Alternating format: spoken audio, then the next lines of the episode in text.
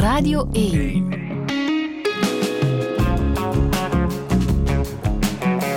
Douche. Met Friede Lesage. En met Yessin Baish. Goedemorgen. Goedemorgen, jawel. We zijn er. Hoe gaat het? Ça va, ça va. Het is niet zo vroeg, dus... eh, Ah ja, wacht. Dat moest ik je nog geven. Ehm, eh, ja, altijd als we bij gasten gaan, en dan heb ik het over de Marokkaanse cultuur, moeten we altijd zo'n gebakje meenemen. Dus die traditie, ritueel, moet ik wel... Allee, houden wij Het is van moeten, Yessin. Ja, sommige dingen moeten in de zin van een klein leuk gebaar. Dat mag. En uiteindelijk, als dat moet, dan ja, zie ik zie je smile. Dus dan moet het wel. Als ik die smile zie, dan moet het wel. Ik ga het Dus meteen voilà. openmaken. Op zondagochtend. Het gebeurt dus zelden of nooit, hè, Yessin, dat ik hier iets... Mm, Is het goed? ja, een lekker taartje. Alsjeblieft. Dan gaan we daar straks van eten. En die zie je, voilà, dan moet het wel. Mijn zondag moet. is nu al goed, Jessin. Gracias. Mochten mensen jou niet kennen, moet ik even zeggen wie jij bent. Hè. Je bent acteur. Mhm. Mensen die Grond hebben gezien, hebben gezien dat je daar een fantastische hoofdrol hebt eh, neergezet. Maar je was ook te zien als de makelaar in de Assepoestermoord. Die Ja. tweede reeks van eh, De Twaalf, wat je ook fantastisch hebt gedaan. Binnenkort ook te zien in Stix, de Ja. nieuwe serie op eh, streams. En ook in een sitcom, Groeien en Bloeien. Ja. Mogen we jou straks... En ik heb mijn eerste Engelse rol in Mr. K. Echt waar? Ja, ja, ja. Wow. Ik moest Engels spreken. En ik had toen wel bij mezelf opgemerkt dat mijn Engels nog niet top-top was. Omdat ik dacht van, ik, ik heb echt zo blijkbaar nog... eh, ja, ik wil niet zeggen een accentje, maar wel van... Allee, je, je, je, je leert je, jezelf pas kennen als je het dan doet. Dan denk je, oké, ik moet daar nog aan werken. Maar ik heb wel mijn eerste Engelse rol. Dus eh, Dat klinkt als, we zijn jou bijna kwijt hier. ik, ho- ik, ik, ik hoop het en ik hoop het niet, maar ik was wel dankbaar. Ik was echt wel dankbaar. Maar waar jij op dit moment het meeste mee bezig bent, al jouw energie gaat op dit moment naar jouw eerste eigen podcast. Ja, klopt. De negen levens van Jessin. Ja, de, ja dus ik, allee, het, het- van buitenuit lijkt het een podcast, maar voor mij persoonlijk is het. eh, toen ik ermee bezig was, merkte ik echt wel van: oké, dat is hier echt wel zo bijna een spirituele reis. En, dat klinkt weer zo heel flauw of cliché, maar ik voelde mij precies samen met mijn collega Rick, eh, Rick Bruiker, eh, dat ik precies in een kanobootje zat tussen de Amazone. eh, eh, het is, het is de Amazonewoud en dat riviertje. eh, en ik kwam zoveel mensen tegen met mijn achtergrond waar, waar wij hebben nooit leren communiceren met elkaar. En ik leerde precies telkens een andere kant van mezelf kennen. Van mijn ouders, van mijn familie, van mijn achtergrond. En die twee culturen, die twee gemeenschappen, die diep van binnen toch wel eh, in, in harmonie proberen te zijn met elkaar, maar toch niet altijd elkaar kunnen vinden. En dan dat dat, zo wordt uitgesproken, ja, dat bracht me wel even eh, veel dichter bij mezelf dan ik dacht. En dat Want je hebt gepraat met eh, acht mensen die ook Marokkaanse roots hebben. Mhm. En je de vraag gesteld, wat voor leven hebben ze? ja, Hoe, welke keuzes hebben ze gemaakt? Welk pad hebben ze gevolgd? Ja, voilà. Eh, ik denk dat dat, dat, dat is wel... Ondanks dat ik sommige van hun niet kende, eh, kende ik hun dan wel, omdat wij... Omdat wij het is niet een wij zijn, maar de Belgen met Marokkaanse achtergrond, wij delen wel een gemeenschappelijke leed. En dan heb ik het echt over die dubbele identiteiten, die dubbele culturen, die dubbele gemeenschappen. Zie je dat als leed? Dat is mooi gezegd. Ik zie dat nu als een verrijking, ja, zeker met die podcast. Ja? Ja, ja, ja. En dat Ik- is die spirituele reis Ja, die je hebt exact. gemaakt. Mooi, je hebt me goed aangevuld. Merci. Merci. Probeer jou te lezen. Merci, jawel, je kunt dat goed, dank je. Hoe zou jij jezelf omschrijven? Wel, ik vind dat eerlijk gezegd moeilijk om van mezelf te zeggen, omdat, weet je, een mens zit heel complex in elkaar en soms denk je jezelf te kennen en dan ontdekt, je dat weer, ontdekt je weer veel heel andere dingen. Maar op basis van wat mijn naasten en mijn familie van mij zeggen, en mensen die heel close met me zijn of mensen die mij heel lang kennen, merk ik wel, allee, het meest voorkomende is enthousiast, passioneel en oprecht. En daar ben ik wel blij mee. Maar wat ik van mezelf zou zeggen, eh, passioneel, denk ik. Omdat ik misschien achter alles een soort van betekenis wil geven of zoek. Misschien, ja, ik denk, denk dat dat is. Voor mij persoonlijk passioneel. Het zou heel raar zijn als ik hier kom zeggen, ja, ik vind mezelf heel uh, oprecht en niet heel uh, charmant. Nee, dat is, uh, dat is fout, je hebt ook een mooi levensmotto. Je oogst wat je zaait. Ja.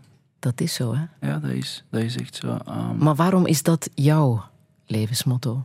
Heb je dat geleerd gaandeweg? Dat je oogst wat je zaait? Um, ja.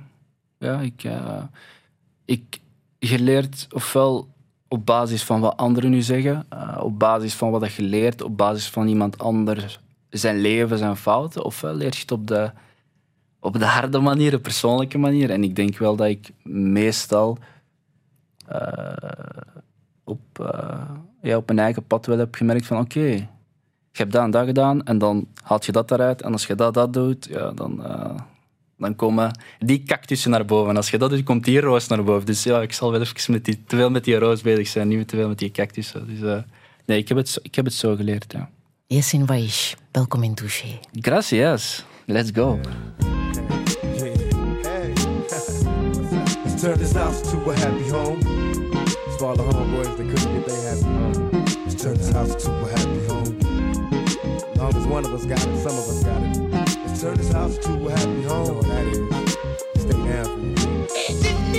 Now we've been kicking it for quite some time. Remain beside me through my trials in this life of crime. We done fought so many times, I forgot to count. I never hit you, not a coward, rather leave your house. Remember back in December when we was tight, sipping Alizé and Cristal wildin' every night. In my bedroom, promise that I commit to you soon. Time kiss me every time you see me step inside the room, straight out the hood. We promise to be good to each other, plus I love you, so I know you gon' make a good mother. Just try to understand if I change the time, it's only cause I never owned anything that's mine. So I'm trying, you can stay with my mama, but keep the drama to a low. Never call the police, I never call you bitch at home. We were all born hungry in this world alone. Finally moved out my mom's house and got a happy home. Let's turn the house to a happy home. Got a happy home. Let's turn this house to a happy home.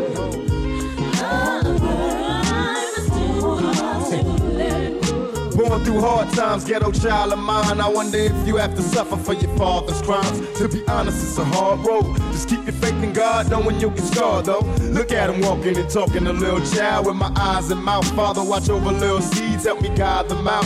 Had to change my whole lifestyle. Married my baby's mama, made her my wife now. I'm trying hard, y'all. Maybe in time I'll be a better man. Watching the older couples handle it like veterans. Show me the meaning of forever, and together we rise. If it would help our child grow, then together we die. Why? Question my love, it's so easy to see. Without my family, all I'm left with is a shadow of me. After all the arguments and the nights alone, now it's time to live a good life inside a happy home.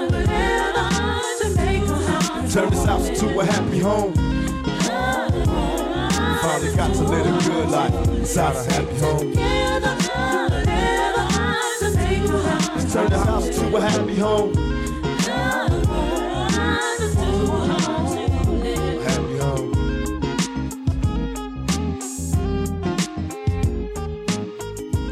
Tupac Shakur en Happy Home, Yassine Waish. Het is al een uh, titel die veelbetekenend kan zijn. Wat moet ik daaronder begrijpen? Ja, ik, ik was al bijna vergeten met, allez, dat, ik, dat ik die uh, track had doorgestuurd. Maar um, ja, toen ik een tiener was, uh, ik heb niet altijd zo een stabiele...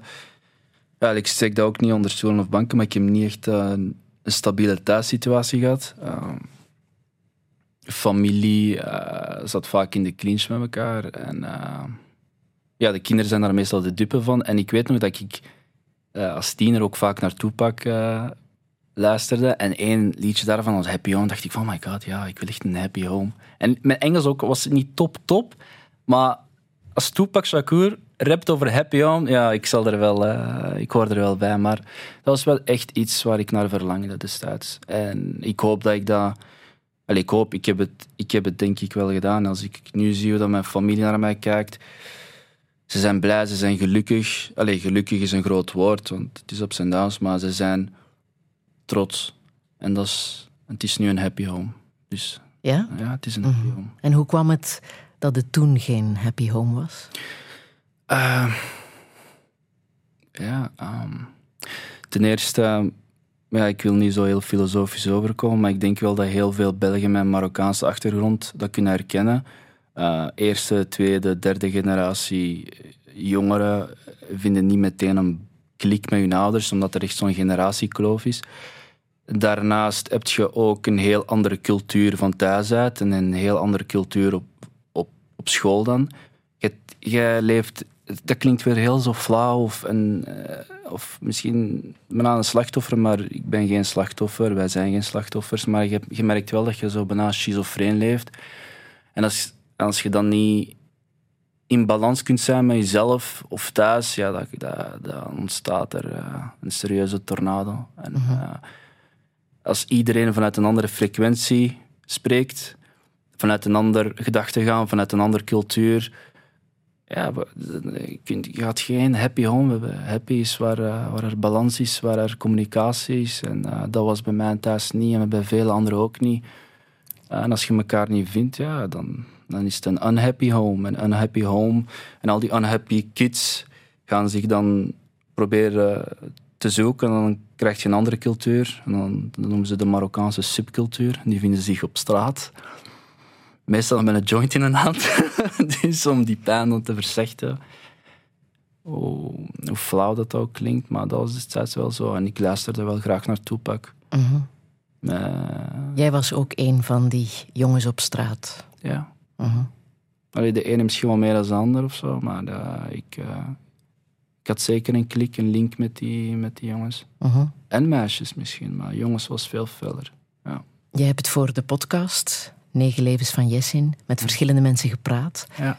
Bijzondere mensen. Ik wil er eentje uitpikken. Youssef. Oh, oef. Wie is Youssef? Uh, ja, ik, ik, mag zijn achternaam niet vernoemen, dat wou wij niet, maar Youssef heeft wel een serieuze, serieus traject geleid. Uh, geleid. Um, ja, hij heeft, hij heeft nu wel zijn plaats gevonden. Uh, hij is ook echt, hoe zal ik het zeggen, hij helpt andere mensen.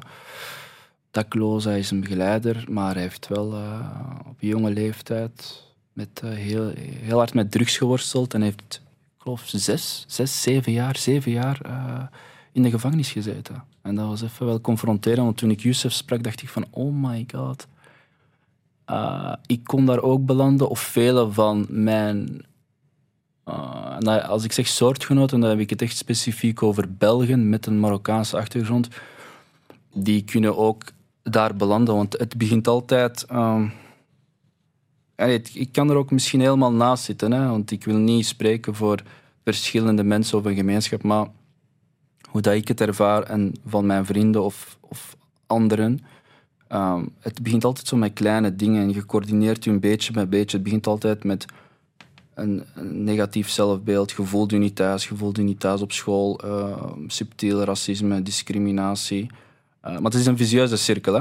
En dan begint het met die ene joint. En stilletjes aan coördineert je meer en meer.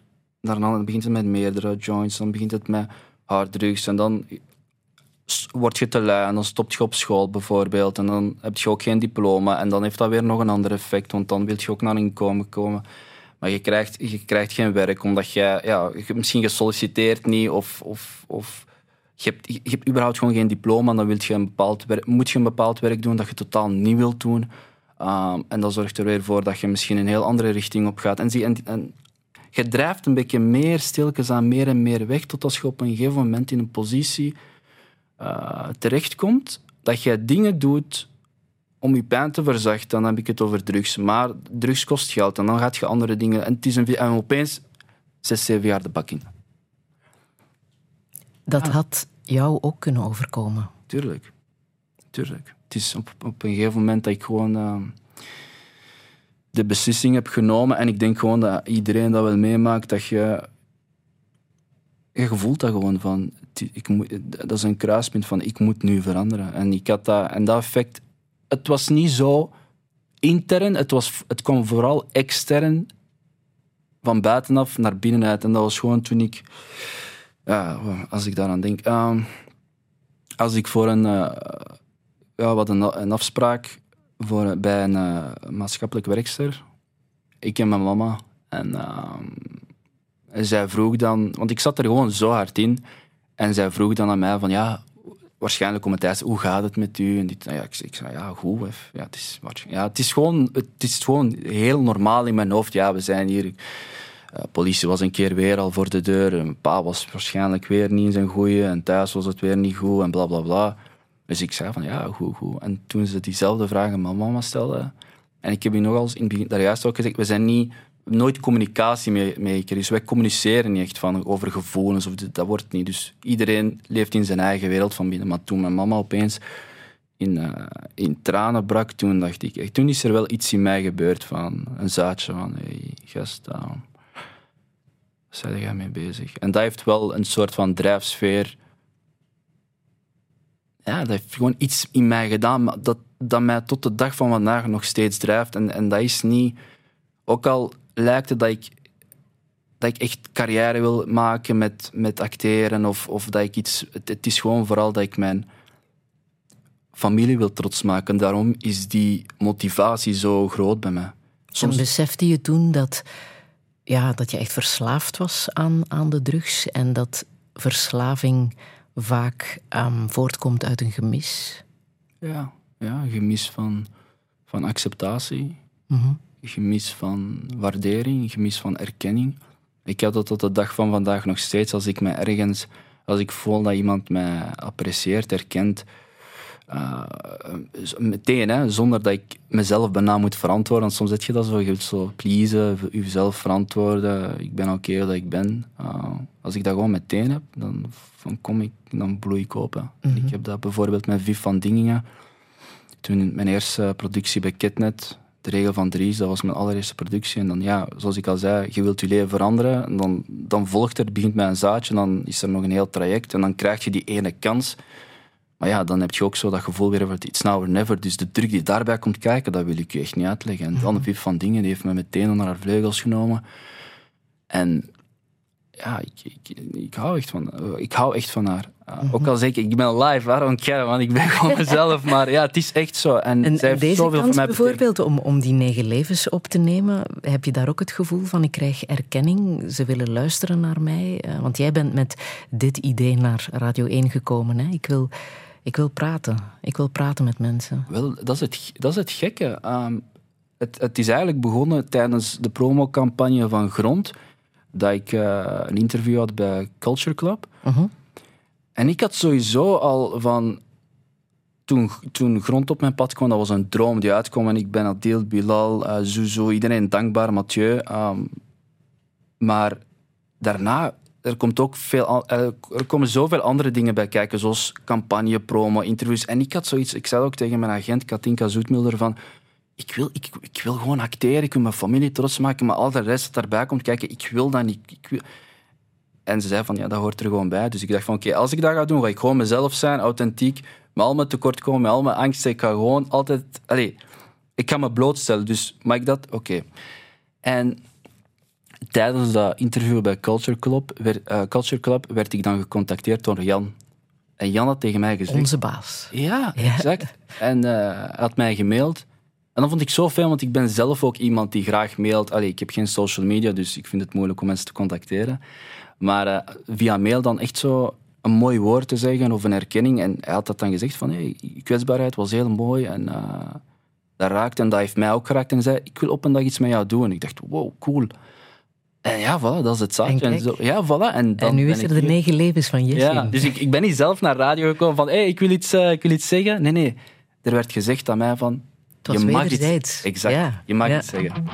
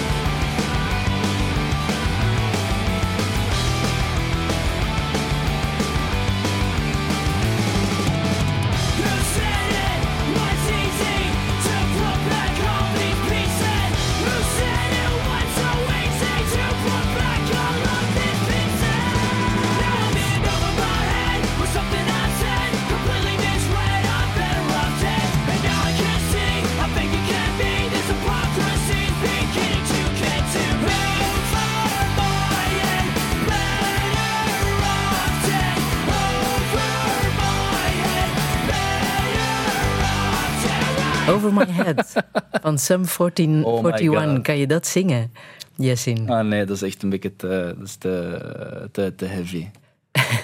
maar ik weet wel Dat is een stevig nummer. hè? Dat is een stevig nummer. Ik, ik, eh, ik, ik had het toen wel niet zitten luisteren vanwege de teksten, want ik snapte, ik, ik, eh, ik begreep de teksten niet zo goed, maar ik was wel... Ik merkte wel dat ik wel van rock houden, van punk houden, maar ik vertelde dat wel niet destijds aan mijn vrienden toen. Want dat was alleen maar hip-hop. Maar dat was wel iets van... Nu kan ik daar wel voor uitkomen. Zeg maar, jij bent de oudste van drie, hè? Ja, klopt. Ja. klopt. Wou dat ook zeggen dat er naar jou gekeken werd ehm, als de meest verantwoordelijke Ja. ja. en dat dat moeilijk was om die verantwoordelijkheid te nemen? Ehm, ja, als, eh, als, als ik moet eh, luisteren naar mijn vader, hij zei wel altijd van... eh, jij bent voorbeeld, je, had, je, had, je had een voorbeeldfiguur, eh, rolmodel, beschermende factor, ja, daar komt veel bij kijken. Ja, dus. En hoe was jouw band met, met jouw vader? Ehm, ja, nu veel beter. Uh, maar destijds was dat echt eh, dat was een hel. Omdat, ja, die man die is opgegroeid, geboren en getogen in Marokko, platteland. En die heeft dat waarschijnlijk... Allee, die, ja, dat is gewoon...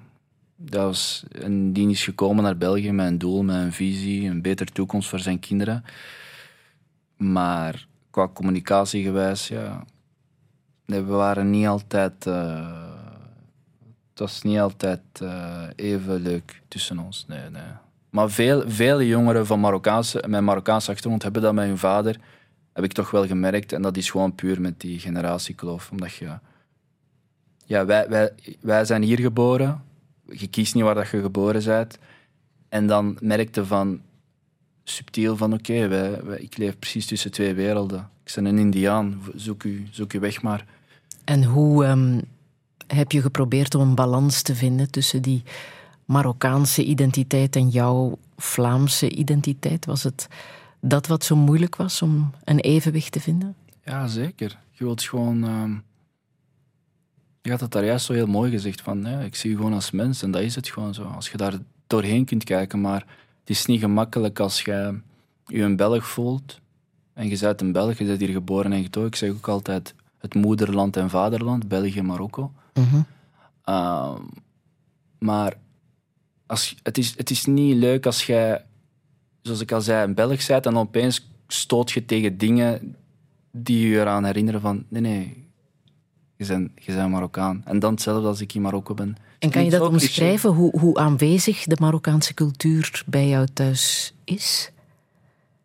Ah, dat is een goeie. Ehm, ik denk bijna in alles. Het is echt vanaf de deur uit en dan is het... eh, Een andere wereld? Ja, Ja? exact. Zegt, Maar wat zit er dan achter die deur? ah, Wat wij goeie. te weinig of niet zien? Echt gewoon heel andere principes, een heel andere denkwijze, een heel andere verwachtingen. Eh, een, heel ander, ja, een heel andere cultuur gewoon. Je zou bijna kunnen denken als jij als pure Vlaming opeens ergens eh, in India terechtkomt. Dat wil niet zeggen dat dat beter of slechter is, maar dat is gewoon een heel andere, dat is gewoon een heel andere cultuur, een heel andere vibe. En dan moet je maar mee je weg zien te vinden. Uh, thuis uit zet je opeens Fidel. En buiten moet je een ander soort Fidel zijn. En ik denk niet, een mens wil gewoon één persoon zijn en niet twee verschillende personen. Altijd proberen in te tunen overal. Uh, ben ik hier goed, ben ik daar goed? Letterlijk het moederland en vaderland, eh, maar die zijn bijna gescheiden. Allee, die, die leven gescheiden. En ja, als gescheiden ouders, wie, waar ga ik nu vandaag zijn? Bij mijn moeder of bij mijn vader? Wil liever bij mijn moeder logeren, want dan kan ik dat en dat krijgen. Maar bij mijn vader is dat en dat ook leuk. Snap je? Dat is, dat is bijna dat. Dus, en je wilt niet dat je ouders gescheiden zijn. Je wilt dat je ouders een mooi huwelijk hebben. Hé, dat is mooi gezegd. Ik heb dat echt maar let ter plaatse. Allee, ter plaatse kwam dat niet op, maar dat vind ik wel een goed voorbeeld. Ja. Had je een betere band met jouw moeder? ja. ja. En hoe kwam dat, denk je? Omdat mijn moeder geen verwachtingen van mij had. De enige verwachting dat zij van mij had, was dat ik gelukkig was en blij was en dat ik goed was. Terwijl dat mijn vader het omgekeerde deed. Uh, en dat was, dat was ook goed bedoeld, maar hij was meer van... Tot de dag van vandaag uh, communiceer ik met mijn ouders heel anders. Nogmaals, uh, het is niet omdat het, dat ik mijn weg heb gevonden, dat het dat zoveel is veranderd of zo. En dan heb ik het over de communicatie. Ik communiceer nog altijd met mijn vader via mijn werk, via zijn verwachtingen. hey papa, ik doe dit. hey papa, ik doe dat.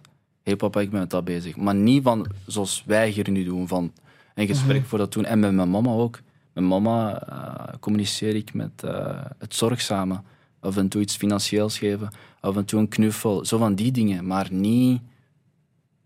Ja, niets anders, maar met mijn moeder wel, ja. wat je zo net zei, er was, er was niet echt ruimte om te praten over emoties. Nee, nee nooit. En daarmee dat ik... Uh, ik uh, maar, ook, maar ook toen destijds met mijn vrienden... We communiceerden ook niet. Je, weet van elkaar van... We hebben een gemeenschappelijke leed en je verwerkt dat dan door... Misschien heel extreem dan ja, jezelf te verdoven. Maar dat wil niet zeggen, het is niet omdat je jezelf verdooft dat je dingen verwerkt. De, je, je stelt het gewoon uit. Daarmee dat ik misschien veel later volwassener ben geworden, of ik hoop dat ik, ben nog steeds volwassen. ik ben nog steeds dat proces aan het verwerken, maar mensen die uh, ja, als tiener dingen verwerken, jij verwerkt dat in mid, eh, midden twintig. Dus dat zegt ook veel. Je hebt in de podcast aan jouw vader de vraag gesteld wat hij ervan vond toen je hem vertelde dat je acteur wou worden. uh, ja, uh, ik, uh, ik, toen ik dat vroeg, ja, die dacht echt wel, ja, het is gedaan met die gast. Allee, ik, die jongen heeft, niet, heeft geen studies gedaan. Um, en op, en die, die, die, hij heeft al zo'n beeld van mij van dat ik bijna niks doe met mijn leven en altijd buiten ben en soms niet eens thuis kom. En, Hij zei letterlijk, jij zot geworden van drugs. Ja, ja. Die dacht echt van ja, dat ik uh, mezelf heb kapot gesmoord. Uh Maar dat, dat, acteur worden was wel jouw redding. Ja, ik denk er... Het ding is gewoon, ik kan er... Als ik daar nog steeds over nadenk en bij stilsta... Weet je, als ik, ik ben nu hier bij u en en ik ben blij, ik ben enthousiast en de podcast komt uit en binnenkort komt Daan uit ingezet in die race en in die wolk. Maar als ik echt stilsta, dan kan ik het soms niet geloven. En ik, en ik herkauw nog steeds het moment van de première van Grond in uh, Filmfestival Gent. Mhm. Toen hij naar mij keek. Hij, heeft me, hij was echt trots. Hij heeft, dat mij, heeft me dat niet met zoveel woorden gezegd, maar hij was echt trots. En dat moment, als ik dat echt vasthoud, dan ben ik eigenlijk al tevreden. En ik super tevreden, want ik heb meer gekregen dan dat ik wou. Dat is echt een moment. Dat... En ook mijn mama. Mijn mama was super blij, super trots. Je moet, als je, allee, dat zo, je, wilt je eigen leven niet romantischer maken of zo dan het is of zo, maar je mocht wel even stilstaan van waar dat je komt. En ik, dat geldt voor iedereen. En waar, dat je, dan, waar dat je dan nu staat. En even het moment nemen van hey, wees tevreden, wees blij, wees dankbaar. En ik denk als ik vandaag vol vertrek, dan, ja, dan voel ik me echt goed. Dat moment naast, uh, naast mijn mama toen ze in tranen brak, dat is echt een vies helgevoel. Want dan moet het nog beginnen. Het is niet dat ik dacht van, ah, dit wil ik niet. Uh, nee, Jessing is zich bezig, bla bla bla. En volgende dag, voilà, uh, op casting. Nee, nee, dat is een proces, maar het is wel een houvast van ik wil niet terug naar dat moment. Ik wil niet terug mijn mama zo verdrietig zien. En iedereen heeft dat gehad. Jij hebt dat ook gehad. Het is niet dat jij... Jij bent hier niet wakker geworden, hè? Opeens fidel touché. Nee, nee, je hebt mm. ook een traject gelegd.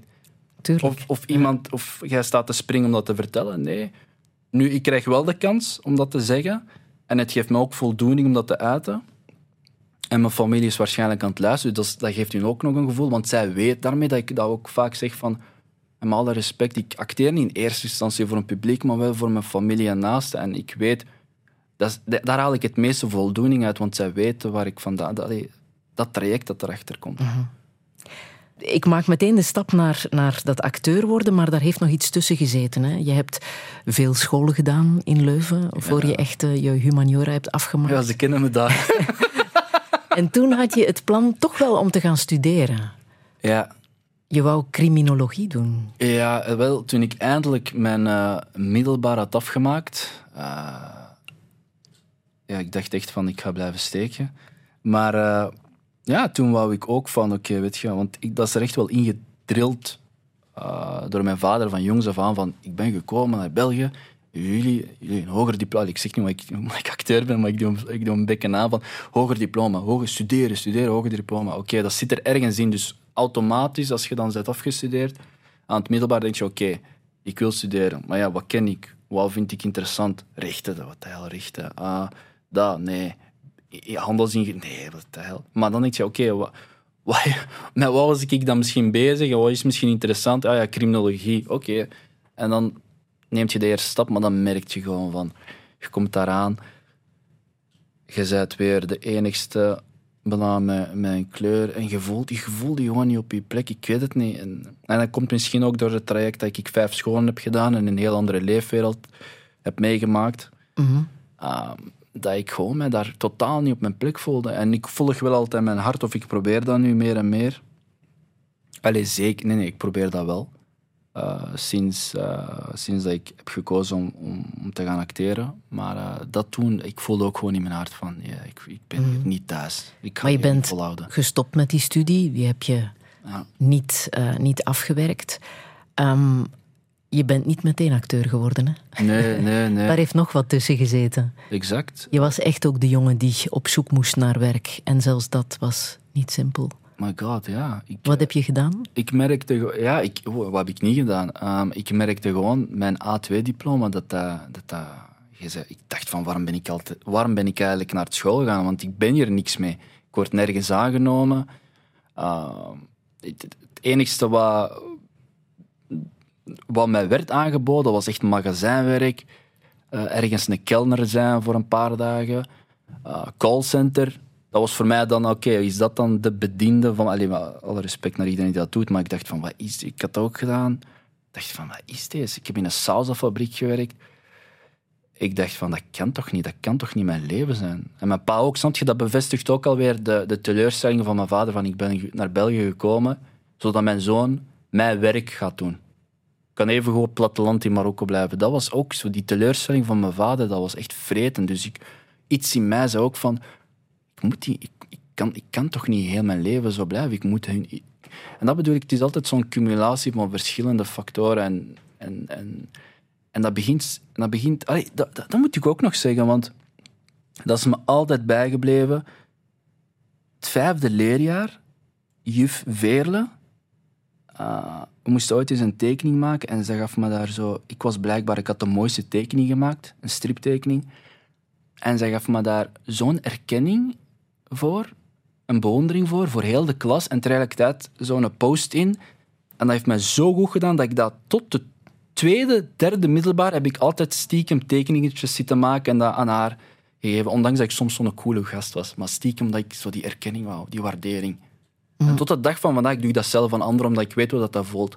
Ah. Die, die real eh, like. Zoals ik zei, ik heb geen social Ja. media, maar ik geef wel graag een echte like. Een echte compliment. Ik stuur graag een kaartje, omdat ik weet dat dat bij mij voelt. Dus ja. En dat geeft me ook voldoening. Maar Maar toen ineens sloeg je een pad in. Je Ja. ging naar het rits. Je dacht, dan word ik maar acteur. Ik ga daar eens proberen. En je was geslaagd voor het toelatingsexamen. dat vond ik echt geschift. Want het, Je mocht beginnen. ja, dat vond ik echt... Want het, het, het begon een beetje daarvoor ook. Eh, Adil en Bilal kwamen op. Mijn kortfilm Broeders. Mijn film Image, Black. Hebben zij jou gestimuleerd om... Ja, eh, ja zeker. Ik, heb, ik heb Black elf keer gezien in de cinema. Elf keer. Gewoon om dat gevoel te ervaren. Dat ik dacht van ja, dat is, eh, dat is, dat is, dat is mijn terrein. Dus ehm, ik dacht van ja, ik, ik, ik, ik voelde gewoon iets in mij bewegen. En ik dacht, hier ga ik mijn moeder trots mee maken. Al was het gewoon een kleine minirol, een bijrol. Maar ik zei gewoon tegen mama, op een dag ga ik je trots maken, mama. Ik ga je op een dag naar eh, het groot scherm brengen. En, maar dat was gewoon voor mij in mijn hoofd een kleine rol. Dus je moet, moet maar beseffen hoe dat ik me nu voel. Eh, Op de première van, eh, van Grond in Filmfestival Gent. Maar ja, het, was, het begon met die inspiratie van, van de films van Adil en Bilal. Ik dacht van oké, hoe doe je dat dan? Dan gaat je ooit eens ergens figureren. Ik wil zien, oké, hoe marcheert dat hier? En dan dacht ik van oké, ik ga echt acteur worden.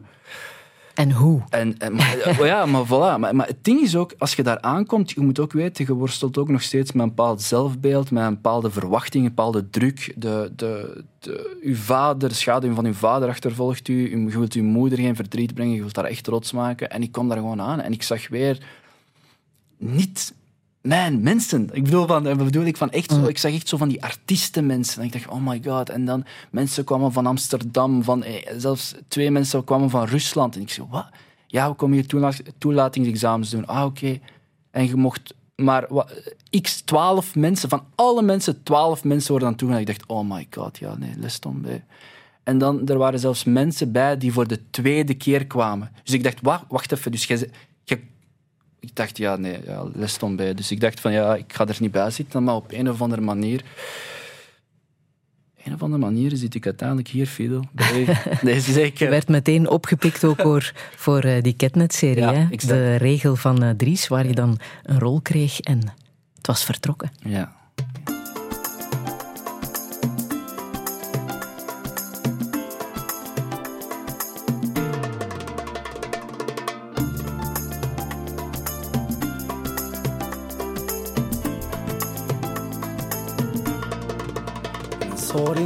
صوري سوفري كابر نابوليطانو الكره ما يقاري خلي العديان يقولوا.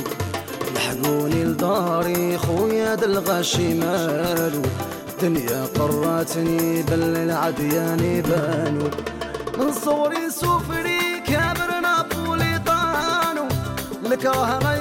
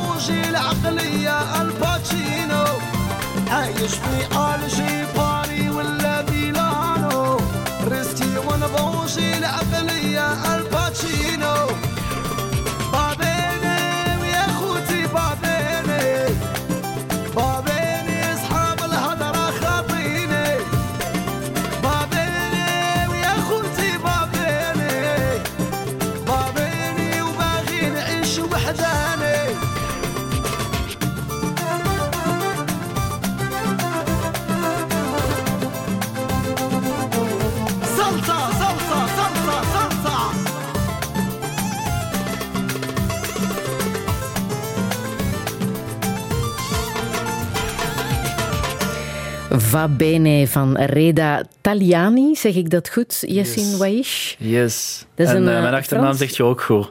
De meest Ik moeilijkste heb achternaam. geoefend. Ik heb geoefend.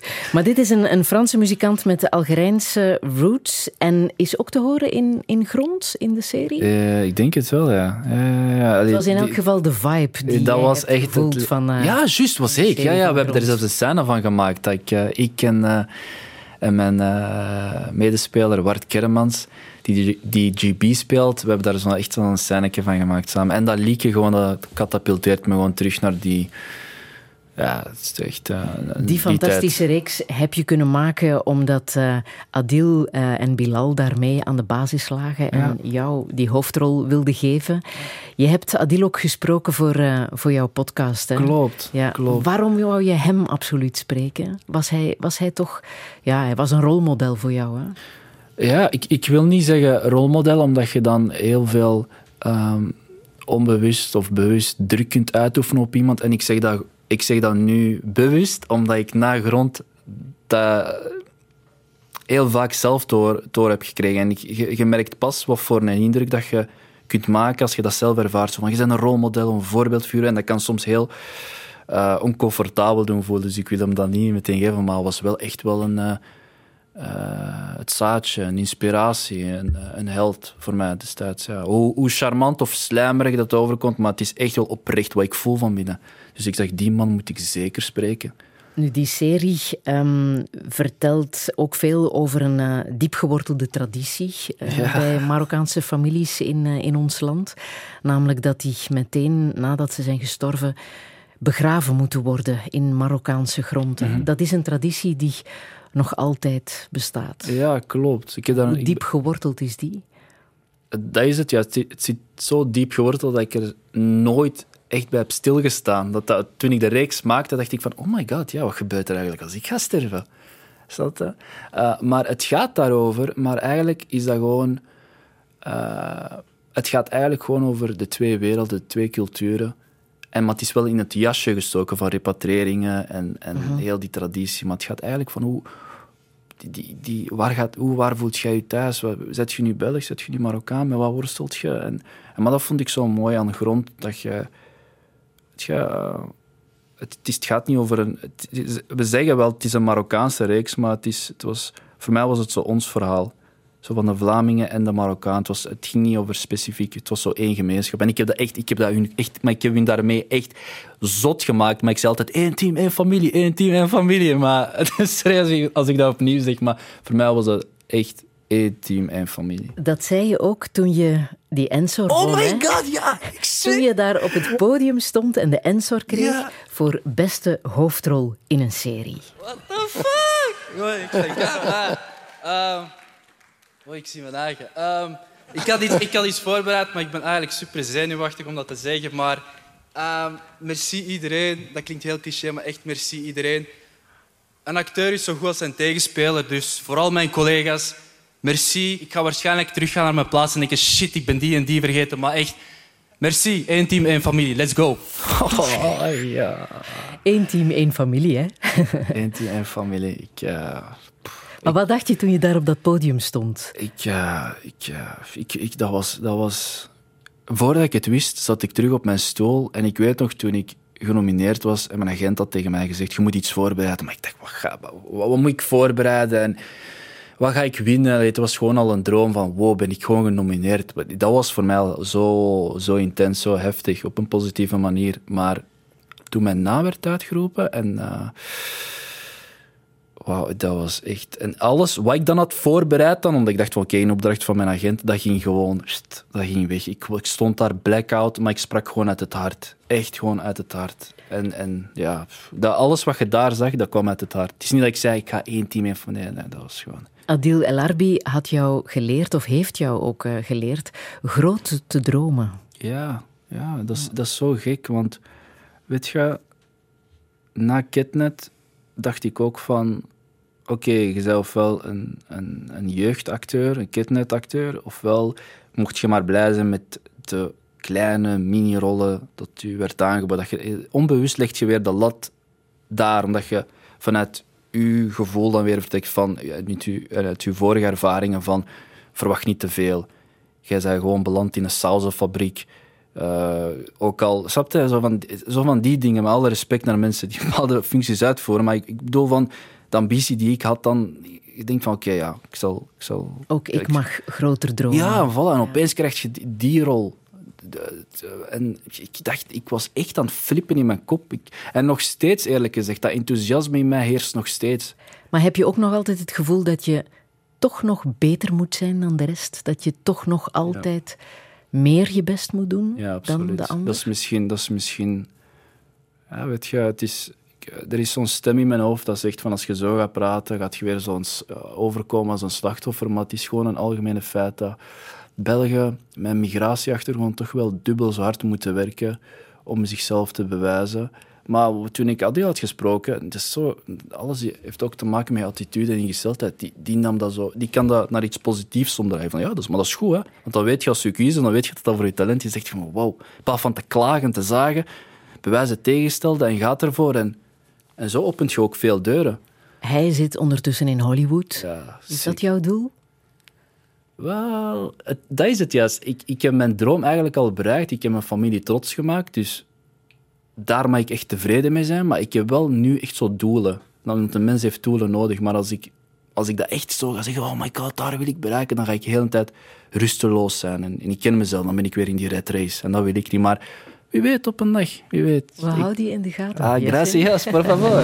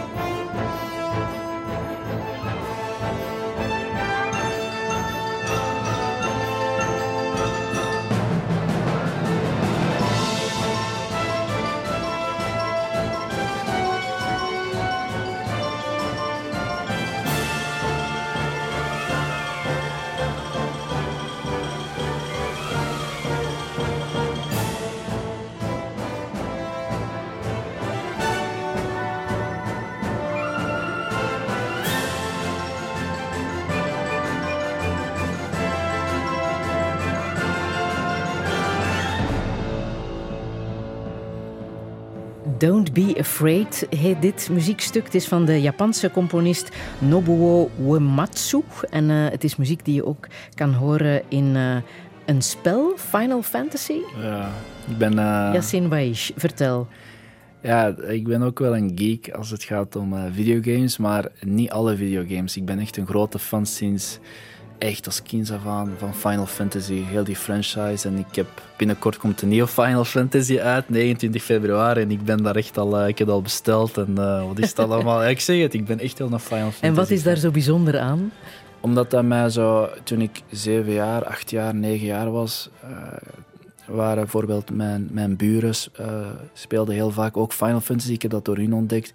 En dan kijk je daar als kind naar en die fascinatie en, en de muziek die je bijblijft. En dan neemt je dat mee. En ik denk ook zo, uh, heb ik dat ook meegenomen aan, uh, als ik bijvoorbeeld naar een auditie ga, wat ik echt, ik vind audities, met alle respect, ik vind dat echt een hel. Ik, ik, ik weet niet waarom, maar ik, ik weet wel waarom. Dat, is zo, dat is weer die verwachting en die druk dat jij nog extra op jezelf zet, die is erop of eronder. Zo die is zo zenuwslopend. Ik zeg het is lente weer. Uh, nee, ik bedoel, het is winter. Uh, het is misschien min 5 graden. Jij voelt, het is precies... Amai, het is hier warm, dat weet dat je bent zwaar aan het stressen. Maar dan zet ik dat lieken op van Don't be afraid, Final Fantasy. Ja, ja, en dan ja. denk ik dat kind in mij van, wees moedig, gewoon gaat erop. Voilà. En dat spel zelf, wat intrigeert jou daar zo aan? Wees een held. Aha. Wees een held, ja. Al die, al, ik denk dat dat iets universeel is. Gewoon, wees probeer, een held. Wees een held. Je gaat vallen, je gaat tegen draken moeten vechten. Je draken in je eigen borst, in de wereld. Uh, en via dat spel leer je dat je dat kan. Je ja. kan een held zijn. Ja, dat is, dat is, maar dat is, dat is juist het ding. Wij mensen wij vinden ook films en zo, hè, dat inspireert ons. Maar dan, dan, moet, dan mag je inspireren om dan in de buitenwereld dan, dan mee te nemen. Maar soms blijven wij steken in videogames. Dat is ook niet de bedoeling, maar gewoon ja, dat werkt bij mij heel opladend. Mm, een film die jou heel erg heeft geïnspireerd is uh, Whiplash. Dat was uh, de grote doorbraak voor regisseur Damien Chazelle. Dat is de man die ook La La Land heeft uh, gemaakt over een ambitieuze jazzdrummer die tot het uiterste wordt gedreven door zijn mentor. Heftige film, hè? Ja, ja ik... was dat, dat herkenbaar voor jou? Zo herkenbaar. Ja? Die mentor was in mij. De verwachtingen, de druk, mijn ah. vader iets dat ik van mijn leven uh, wil maken, probeer te maken, maar vooral ook zo doorzettingsvermogen. Gewoon blijven gaan, blijven gaan. Ook al valt je duizend keren, ook al tegenslagen, noem maar op. Want dat is, dat, dat is ook wat ik soms te horen krijg van, maar je het is snel voor u gegaan of zo. Maar dat is totaal niet snel. Het is echt een traject of zo. Het is echt, je moet het, uh, ik heb echt, uh, I paid my dues, zoals ze zeggen. Mm -hmm. en, uh, en, dat is dat ook. Dat zie ik heel hard in die film. Echt doorzetten. Ze zien hem misschien dan uiteindelijk presteren, het einde van de film, maar uh, achter de schermen, die zit daar alleen te zogen. Bloed, zweet en tranen. En, ik, en dat respect heb ik ook voor iedereen. Jij zit er ook niet zomaar, hè, Friedel? Maar het, is, het was jouw vader die die prestatiedruk op jou legde? Uh, het, het, meeste speelt zich af tussen je twee oren, maar tussen je twee oren, die stemmen, ja, die, die komen van ergens. En grotendeels komt dat van mijn vader, ja. Ah. Van mijn vader en, en het, de mix verdient van je moeder en, en, en je eigen verwachtingen en verlangens en, en wat je wilt bereiken. Dus dat, dat wordt zo'n één, één stem en dan, mm-hmm. dan is dat... Ik laat ondertussen al even muziek uit uh, die film horen. Maar uh, het valt mij op dat je dit nu zegt, want het is ook een vraag die je stelt aan Adil El Arbi. Hoe ga jij om met de druk die je ja. jezelf oplegt om het in Hollywood te maken? Ja, ja. Dat, vind ik, dat vind ik ook zot. Uh, maar ja, ik zeg het nogmaals, wat ik persoonlijk kan Adil uh, bewonder is gewoon zijn... Weet je, het is vooral je attitude, je ingesteldheid. Aha. En, en, en hoe is die dan? Proberen te relativeren? Uh, Humor ja, gebruiken? Ja, humor, gewoon echt een goede attitude. Zoals ik al zei, um, bijvoorbeeld, ik voel, ik voel soms nog steeds iets aan mij knagen als ik dan denk van waarom moet ik dubbel zo hard werken voor dezelfde kansen. Terwijl Adeel opeens dat helemaal andersom zit. Ja, dat is goed, hè? dat is, dat, dat is, dat is oké. Okay. Dan laten we dan dubbel zo hard werken. En allee, snap je, dat is zo... Niet klagen, gewoon doordoen en, en doorbreken. En, en dat is, ja... En al die energie dat je in klagen steekt... Mm -hmm. Want dat kan ik ook soms echt soms doen. Echt zo in mijn hoofd te veel vastzitten. Hij doet dat dan niet, hij gebruikt die energie voor iets anders. En dat is wat je kunt doen. Alles is energie, dus ja. En deze muziek van Whiplash, Deze- dat is ook energie, hè? Zeker. Amai, Nee, laten we zeker. daar nog eens naar luisteren.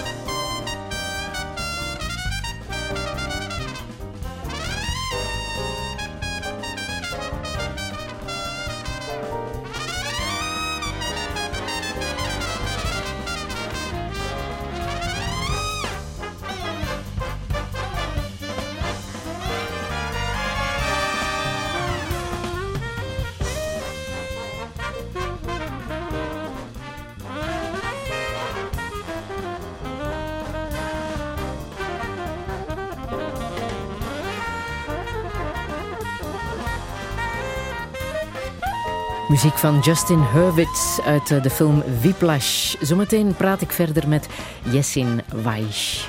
Radio 1.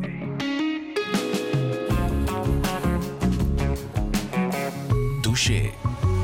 Met Friede Lesage. En met acteur Yessin Waish. Hij was te zien in de serie als eh, De Twaalf en Déjà Vu en kreeg een Ensor voor zijn rol in Grond. Deze week lanceert hij zijn eerste podcast, De Negen Levens van Jessin. Want wat was er van hem geworden als hij een ander pad had gekozen? Was hij voetballer geworden of misschien wel in de cel beland?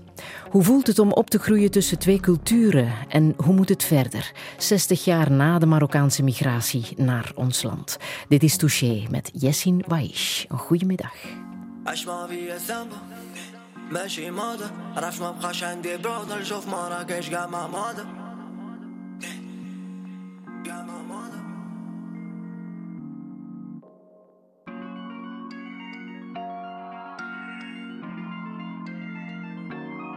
لو يايا. آه يا أو يايا. آه يا. ديما الأول واخا تحت رجا من نود بعد خطرش كنفوج فاش لعبت وسطهم جو ديال ملوج عايزة ميكا عايزة مدوة صرت مو في القرعة ودوة شحال دواز ما بقى عندي لا من سوا. ما بقاش عندي برادر وليت كنفكر في ماما هادي هادي فادر كيصام لا بجيب برادر ما كان تجيش بلاكر تيشيرت فيلا كان خاصني ندادر باش نشوف راسي مين يوم باغي نعرف زاري حيت كان خاصني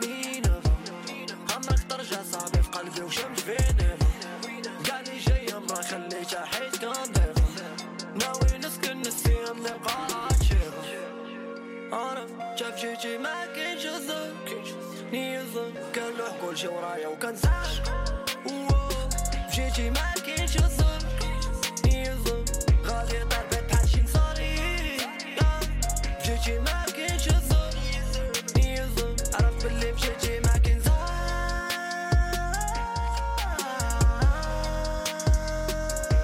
شحال جيني الراي ضربت موثقش الطرف ولا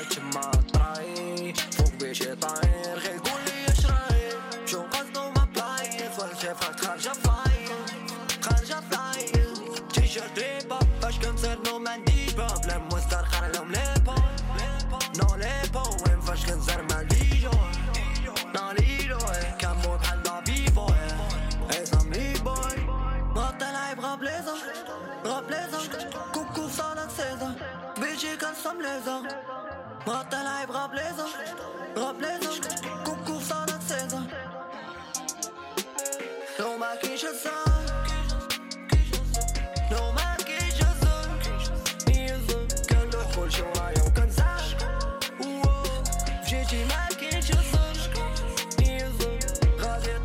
için sorry W życiu ma kiedyś zon Nie zon I don't believe w życiu ma kiedyś zon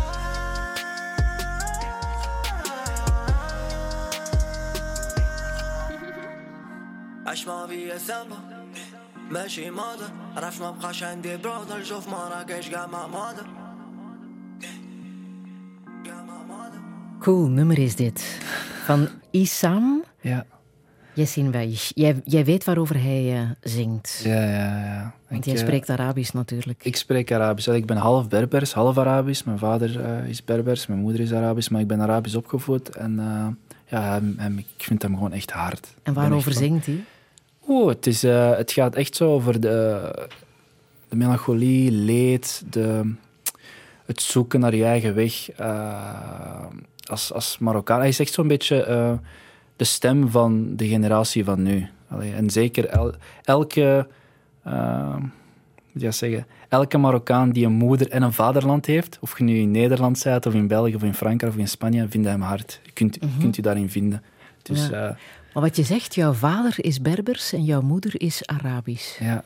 Volgens mij is dat ook geen evidente Nee, voilà. Merci, merci dat je het zegt. Ik zat niet tussen twee culturen, ik zat tussen drie culturen. Ja, ja, want hoe groot is het verschil tussen Berbers en Arabisch? Groot, groot. Want uh, ik wil niet. eh, te, ik, ik wil me niet te verdiepen in de politiek of zo, maar ik weet wel dat er. dat Berbers nog.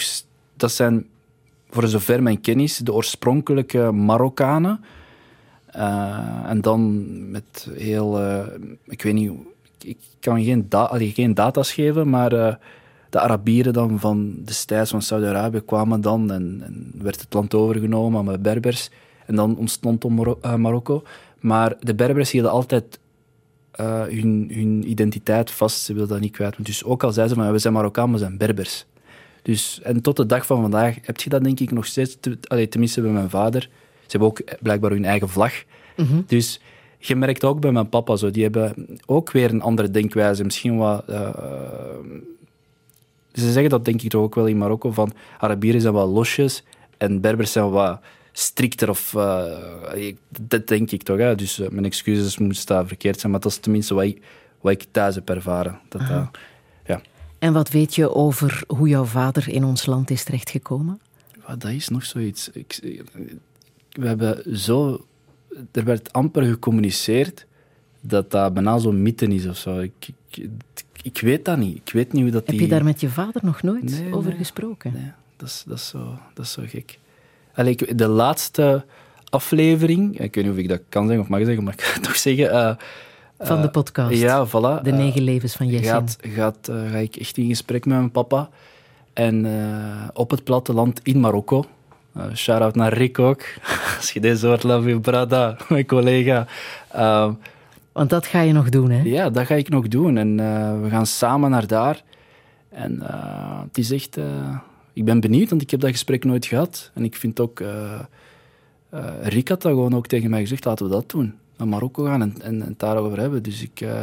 En hoe komt het, ook. denk je, dat hij daar nog nooit met zijn oudste zoon over gepraat heeft?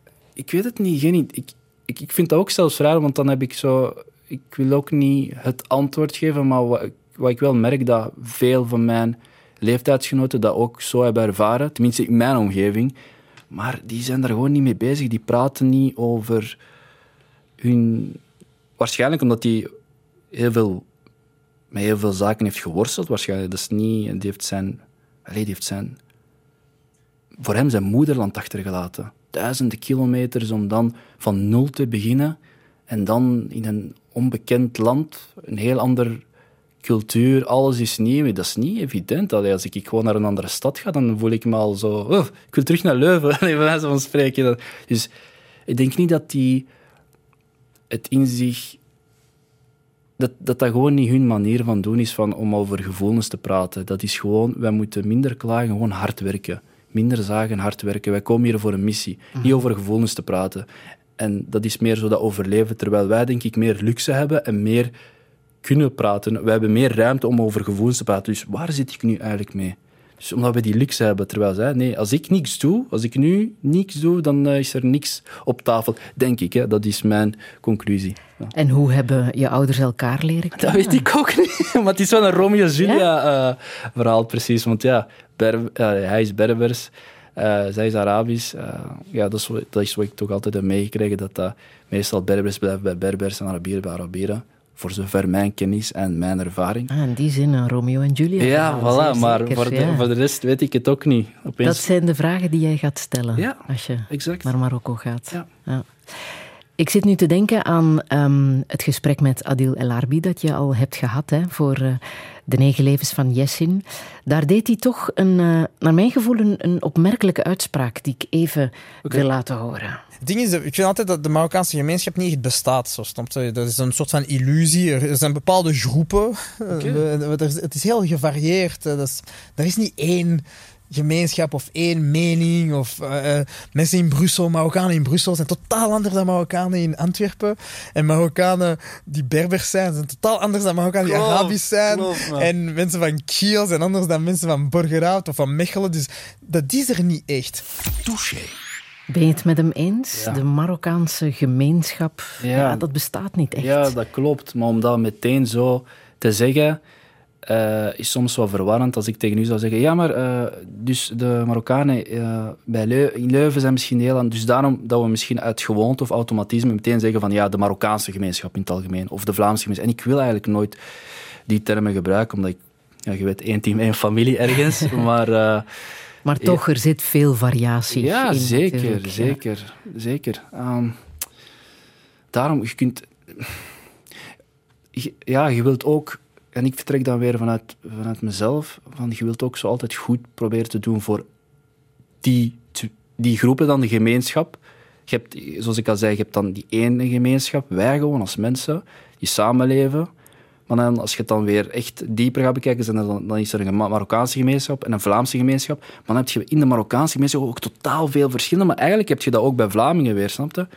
Allee, Antwerpen, een- wij zijn van stad, dan gaan niet zeggen tegen West-Vlaming, die, is- die, is- die is ook heel anders. Ja. Ik heb nog een andere vraag. Zeg maar, Ik mag het zeggen, hè? tuurlijk. De kut Marokkaan, Ja. bestaat die? Ja, zeker. Ja? Ja, zeker. Ah. Wie is die? Ehm, ja, die bestaat niet met die titel op zijn voorhoofd, bij wijze van spreken, maar dat wordt meestal geassocieerd met ehm, de, de parasiet, de, de, de luie nietsnut, de mislukking, de, de marginale van de maatschappij, het, het probleem, niet de oplossing. Ehm, en en, en het, het resultaat van racisme en discriminatie. Ehm, zo bestaat dat, ja. Want weet je, als ik naar mezelf kijk, ehm, zo kan ik ook eh, gezien worden voor ik acteur was. Als je niks doet met je leven, dan word je onbewust ook geduwd in dat hoekje. Onbewust. Was jij dat ook? Ja, onbewust duw, word je zelf, eh, duwt je jezelf en word je ook door je omgeving geduwd in dat hoekje. Dan snap je? Als je, ja, dan, dan merk je, oké, ik ben... Je bevestigt zo'n bepaalde stereotype. Maar ik, ik merk soms ook... En, dat is, en dat, ik, zeg, ik zeg dat niet om te klagen, ik zeg dat niet als slachtoffer, want ik ben dat niet. Maar ik merk wel dat ondanks dat je dus eigenlijk eens goed bezig bent, misschien voor jezelf, voor je naasten, dat je nog steeds opbokst tegen verschillende zaken. Dan ik denk van, oké, nu nog of wat? Bijvoorbeeld voor de Marokkaanse gemeenschap, als ik dat zo mag zeggen, omdat ik acteur ben, voor de ene ben ik een held en voor de andere een schande. Dat is heel raar. Waarom Nou, voel je dat? Krijg je, krijg je haatreacties? ja, Adil krijgt, krijgt doodsbedreigingen. Dus dat, is, dat zegt al goed. Ik heb geen doodsbedreigingen gekregen, nog niet. Het zal me niet verbazen als ik het ooit, ooit zou krijgen. Maar ja, voor, die voor de Marokkaanse gemeenschap ben ik voor sommigen een held en voor sommigen een schande. En bij de Vlaamse gemeenschap ben ik voor sommigen een verfrissing, een verbloeming, een fascinatie. En voor, en voor de anderen een walging. Te veel kleur. Misschien nog steeds die kut Marokkaan vibe van ah, ik, wil, ik wil niet, dat is te veel. Dus, maar en, en, en, en daarom moeten we gewoon heel, denk ik, gewoon niet iedereen over één kam scheren. Het is niet de Vlaamse, het zijn weer die specifieke Ja. dingen. Maar als je zegt, ik krijg zelfs reactie uit de Marokkaanse gemeenschap, negatieve reacties. Ja, zeker. Waarop zijn die dan gebaseerd? Wel, voor sommigen is gewoon acteren iets... eh, Dat doe je niet. Nee, dat doe je niet. Was, en, wat, en het ding is ook, ik denk dat... Ik, ik, ik, ik vertrek gewoon vanuit mezelf, met mijn eigen tekortkomingen en, en, en beperkingen. Uh, ik denk gewoon omdat er zo weinig acteurs zijn, denk ik van dat sommige mensen dan voor zichzelf vaststellen van oké, er zijn al zo weinig Belgen met een Marokkaanse achtergrond die acteren. Dus als er één is, die vertegenwoordigt ons. Net zoals Adil en Bilal. Ze zijn de regisseurs, dus wat zij maken vertegenwoordigt ons. Maar dat is eigenlijk totaal niet zo. Wat ik doe, ik doe dat voor mezelf. Ik heb nooit de beslissing genomen om te gaan acteren, om te zeggen, ik wil een volk vertegenwoordigen. Ik wil... Nee, tuurlijk, ik zeg wel één team, één familie, omdat ik graag die eenheid wil. Ik ben misschien... eh, ja, dat zit gewoon in mij. Ehm, maar ik, ik ben niet begonnen om te zeggen, ah, ik wil voor die, ik wil die en die vertegenwoordigen. Nee, ik doe dat voor mezelf. Rollen die je tot nog toe, nog toe hebt gespeeld, Ja. is telkens een rol met Marokkaanse roots. Ja, omdat Het ik er meer- zat. Ja, maar op zich is dat ehm, vaker aanwezig, dus positief, denk ik, hè? dat we er Ja, aan maar gewoon we zijn worden. ook super positief bezig. Mhm. Allee, Er vroeger... is een enorme evolutie al geweest amai- in, eh, amai nog van niet. series en films. Amai nog niet. Ja. We mogen er echt trots op zijn. En dat brengt de nuance in het beeld? Meer van dit soort series, zoals Grond bijvoorbeeld? Graag, alsjeblieft. Zuzu, schrijf iets, brada. Iedereen met een diverse achtergrond, of niet zelfs. Ook eh, de mensen van, eh, de, de schrijvers van de Twaalf Assenpoestermoord, Nele en Roel. En echt, blijf zo'n rollen schrijven in ons voordeel. Alleen in ons voordeel heb ik het echt over de Belgen met diverse achtergrond. Want zonder jullie bestaan wij niet. Letterlijk, wij bestaan gewoon niet zonder jullie. Het begint altijd met de scenaristen. Begint, alles begint, begint met een idee. Dus alle mensen, scenaristen, ook Tish Bijens, is ook een opkomend scenarist. Haar vind, ik, haar vind ik ook hard. Dus ja, schrijf maar en ik, eh, ik, zal, ik, zal, ik zal komen, ik zal ze invullen.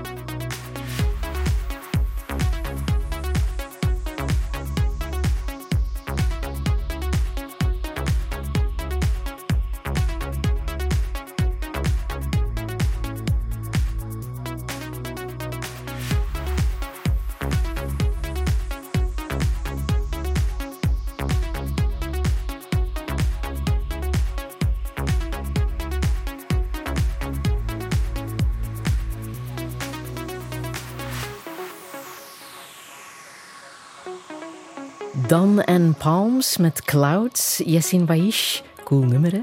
Ja, zeker. Je hebt heel coole muziek gekozen. Ik Dankjewel. wou volop genieten met de koptelefoon op je ogen. Ja, ik wou even niet babbelen, ik wou gewoon even gaan in het Waarom trend. precies?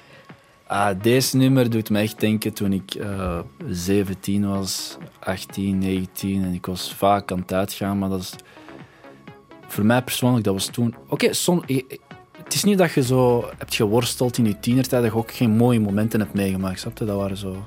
Ik ja. Dat waren, ik, ik, ik kan dat echt linken met nog echt heel bijzondere mooie momenten, pure momenten, ondanks dat ik soms echt fuck in een andere wereld zat met mijn hoofd. En je hoort dat gewoon aan de muziek. Als ik die muziek luister, kom ik al in een trance. Dus nee, ik, eh, ik associeer het met ja, yin-yang. Ah, doe jij iets met jouw emoties? Ehm, Ik bedoel, ehm, schrijf je die op bijvoorbeeld? Ehm, ja, ik, ik schrijf. Ik heb eh, destijds ook echt zo poëzie geschreven. Ja? Ja, ik, eh, maar ik lees vooral. Ik lees vooral. en zo... Wat, wat ik ook met mijn emoties doe, dat is heel raar om te zeggen. Als ik bijvoorbeeld... Waar ik troost in vind, is in... eh, ja, dat klinkt heel eh, Gandhi-achtig of flauw of wat is dat allemaal, maar het is wel oprecht. Eh, mezelf uiten. Ehm, als ik graag een compliment zou willen krijgen, eigenlijk, ik haal voldoening, ik haal voldoening om dat aan een ander te geven of zo. Dat, dat, dat, is, dat is wat mij ook troost aanbiedt. Als ik een geschenk altijd vroeger wou, en niet altijd krijg, ik weet wel hoe het voelt om een geschenk te geven. En dan ooit eens nog eens te ontvangen, dat is echt fijn. Ik weet hoe het voelt als iemand in plaats van een DM, allee, destijds, toen ik vroeger nog social media had, of een berichtje sturen, ik weet hoe het voelt als iemand echt de tijd neemt om een kaartje te maken. Het opsturen. Maar dat komt binnen. Dat blijft bij. Dus zo, d- dat doe ik wel. Sociale media, daar ben je Ik heb vanaf. geen enkel social al vijf, zes, zes jaar, denk ik al. Waarom? Vijf. Ehm, omdat ik denk, voor mij, voor mij persoonlijk, ik kan daar niet mee omgaan. Ik vind dat te toxic. Ik wil me echt kunnen focussen en ik wil mij kunnen verbinden. Je wilt ehm, geen duizend likes. Nee, ik denk, ik denk één knuffel of één oprecht kaartje of, of één oprechte eh, mail of eh, een, een, een, een glimlach naar iemand. Dat is veel meer waard dan een, een like. Ik weet nog dat op tijdens grond eh, dat de DOP ook tegen mij zei van oh, je bent zo enthousiast, je bent zo... Los van mijn energie dat ik zo blij en dankbaar was, maar dat is gewoon dat ik zeg van al mijn knuffel of mijn goeiedag of mijn glimlach, dat is mijn like naar u toe. En ik vind dat zo... Ik vind, dat vind ik wel een beetje jammer dat wij wachten...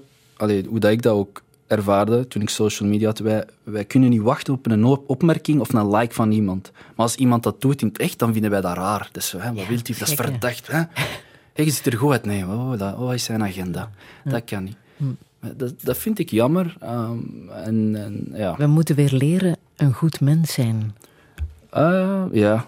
ja, dat geldt Ben je ook voor mee mij. bezig, hè? Ja, zeker, zeker. Ik merk ook wel, ik ben iemand die vaak advies vraagt, zeker vlak van carrière, maar ook op alle vlakken. Bijvoorbeeld boeken, dat zijn mijn leermeesters. Eh, ik lees graag, dat, dat voedt mij, geestelijk, spiritueel, maar ook op vlak van carrière. Ik, vraag vaak advies aan mensen die veel verder staan. Hoe zou je dat doen? Hoe zou je dat doen? Of als ik zelf met emoties zit.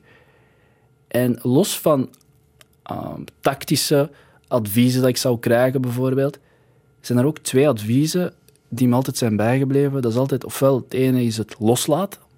Je kunt ook met heel veel emotie, ofwel loslaten, ofwel het tweede is in je eigen borst kijken. En dat is wat, we kunnen heel makkelijk altijd de fout van anderen benoemen. Doet dit, doet dat. Het is altijd de ander. Doet dit, maar kijk eens in je eigen borst. Dan gaat je zeggen, hé, la. En dan kun je verder, dan kun je verder gaan in je leven. Je hebt mij een boekentip doorgegeven. De vier inzichten van eh, de Mexicaanse schrijver Don Miguel Ruiz. Wat zijn die vier inzichten? Ehm, wees onberispelijk in je woorden. Neem niks persoonlijk op. Ga niet uit van vermoedens en doe altijd je best.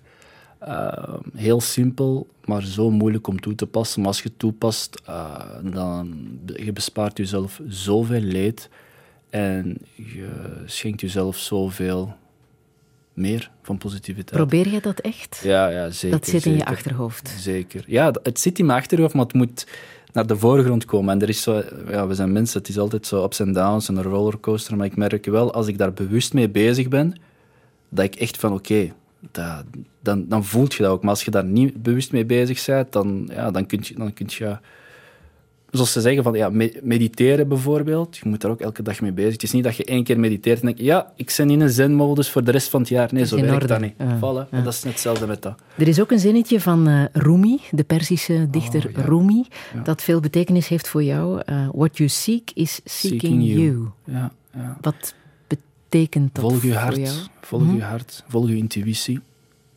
Als het, zelfs als het resultaat op dat moment niet gunstig is, op lange termijn gaat je denken, ah ja, het klopt. En bijvoorbeeld, om mij terug te katapulteren naar het moment dat ik zei van, toen ik die film bijvoorbeeld zag van, van Broeders, Image, Black, dat ik dacht van, iets beweegt in mij. Ik weet niet wat dat is, maar ik wil acteur worden. Die stem, what you seek is seeking. Ik weet niet, dat is, maar het, het, het klopt. Ook al ging ik dan ergens figureren en werd ik uitgelachen, of ook al werd ik heel raar bekeken als ik wil acteur worden. Al, al is het voor mij gewoon de lat gelegd van ik wil maar een kleine rol, toch zei iets in mij, je moet dat doen, je moet dat vasthouden. En uh, ja, dan denk ik, en als ik hier nu sta, denk ik, ja, what you seek is seeking you.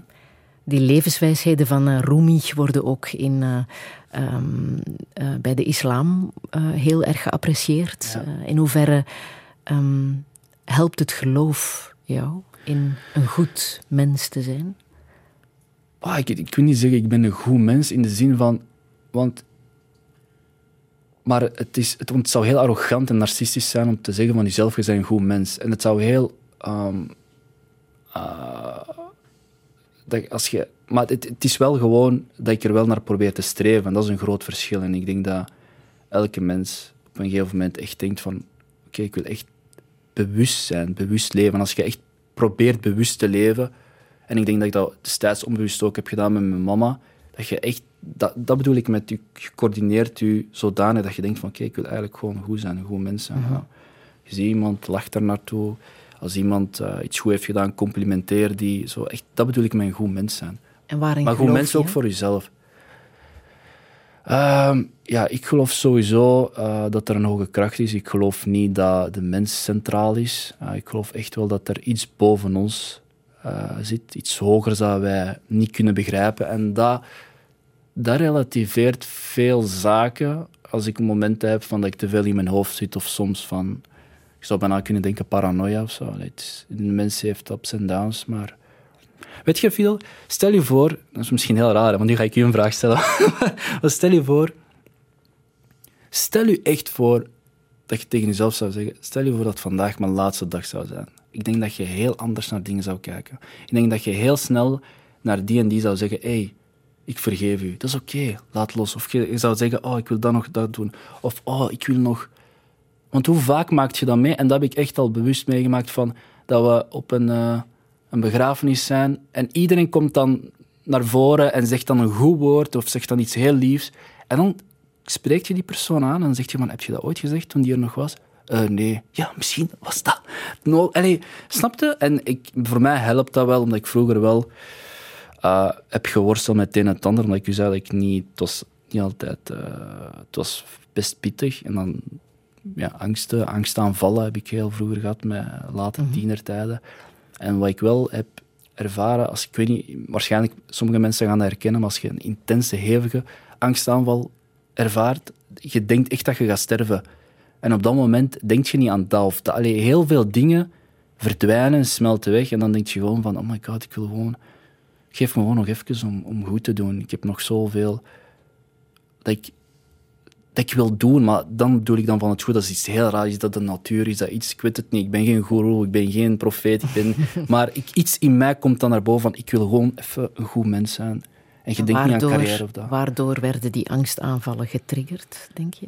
Ja, ik... Uh, ik weet het niet. Dat, dat, hangt af van persoon tot persoon. Ik denk als, als tiener, als je sowieso niet um, kunt praten over. Allee, als je gewoon constant in stress leeft, in, in die schizofrenie van, van tussen twee culturen, tussen twee werelden. Allee, mensen gaan door met hun leven, mensen gaan.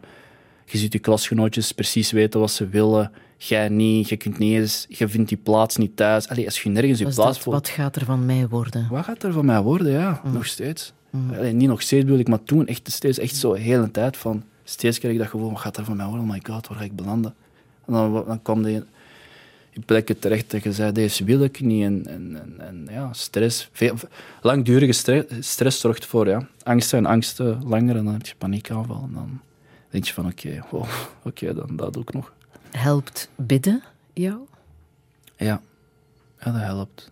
Ik, uh, Dat ik, heb, ik, heb heel hard, ik heb heel hard gebeden voor uh, toen ik oud... Oh my god, nog zoiets. Ik had auditie, dus auditie voor grond, daar heb ik echt wel... Dat waren echt verschillende rondes, maar ik, had, ik heb nog nooit zo intens gebeden. Dat is echt, dat is echt, dan komt Ja. er aan de andere kant van, god alsjeblieft, als je me dat geeft, ik ga echt dat en dat doen.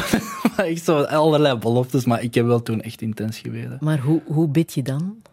Wat is dat voor jou? Ja, dus voor mij persoonlijk, dat is iets heel persoonlijks. Want dat vind ik ook soms zo... Dat is nog zoiets, mijn ervaring. Hè. Je wil, wat ik wel heb gemerkt, dat mensen soms iedereen naar zijn eigen kar wil trekken. Ik heb dat ook soms, dat je zo... Het moet, it's my way or the highway, bij wijze van spreken. Dat heb je, toch, dat heb je meestal hoe dat religie nu tegenwoordig een, toon, een noot heeft gekregen. En daarmee dat mensen zich distancieren, omdat ze, bijna, ze denken dat ze hun authenticiteit verliezen, terwijl dat niet zo is. Je hebt een vrije wil, je vingerafdruk is ook eh, uniek. Dus voor mij is dat in je hart, daar begint het. Bid. Met je hart. Zo begon dat. Niet opeens eh, iets heel cultureels of traditioneels. Het begint, eerst, het begint eerst in jezelf. Wat wil ik eigenlijk? En dat bedoel ik, dat is mijn roomie. Gaat dat begrijpen, gaat dat niet begrijpen? What you seek is seeking, Seeking you. you. Exact.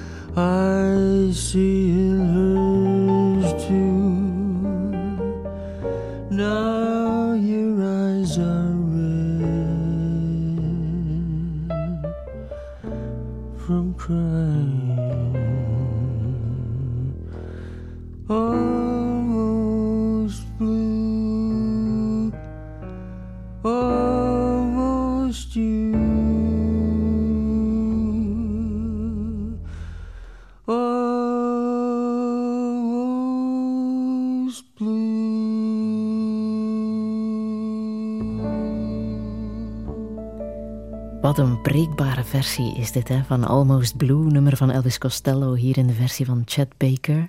Yassine Waish, prachtig. Ja, Dank je wel voor deze mooie keuze. alsjeblieft. Wat zegt dit over jou, dit nummer? De artiestenkant komt mij naar boven. Ja, jazz. Ik, eh, ja, toen ik, eh, ik herinner me nog dat ik vaak naar eh, jazz luisterde. Misschien was dat iets dat ik... Maar dat was voor mij heel spontaan. Tijdens ja, het begin van mijn carrière dan heb ik het echt over. Uh, dat ik opeens meer naar jazz begon te luisteren. En ik, vond, ik was gewoon meer in feeling met die kant van mij.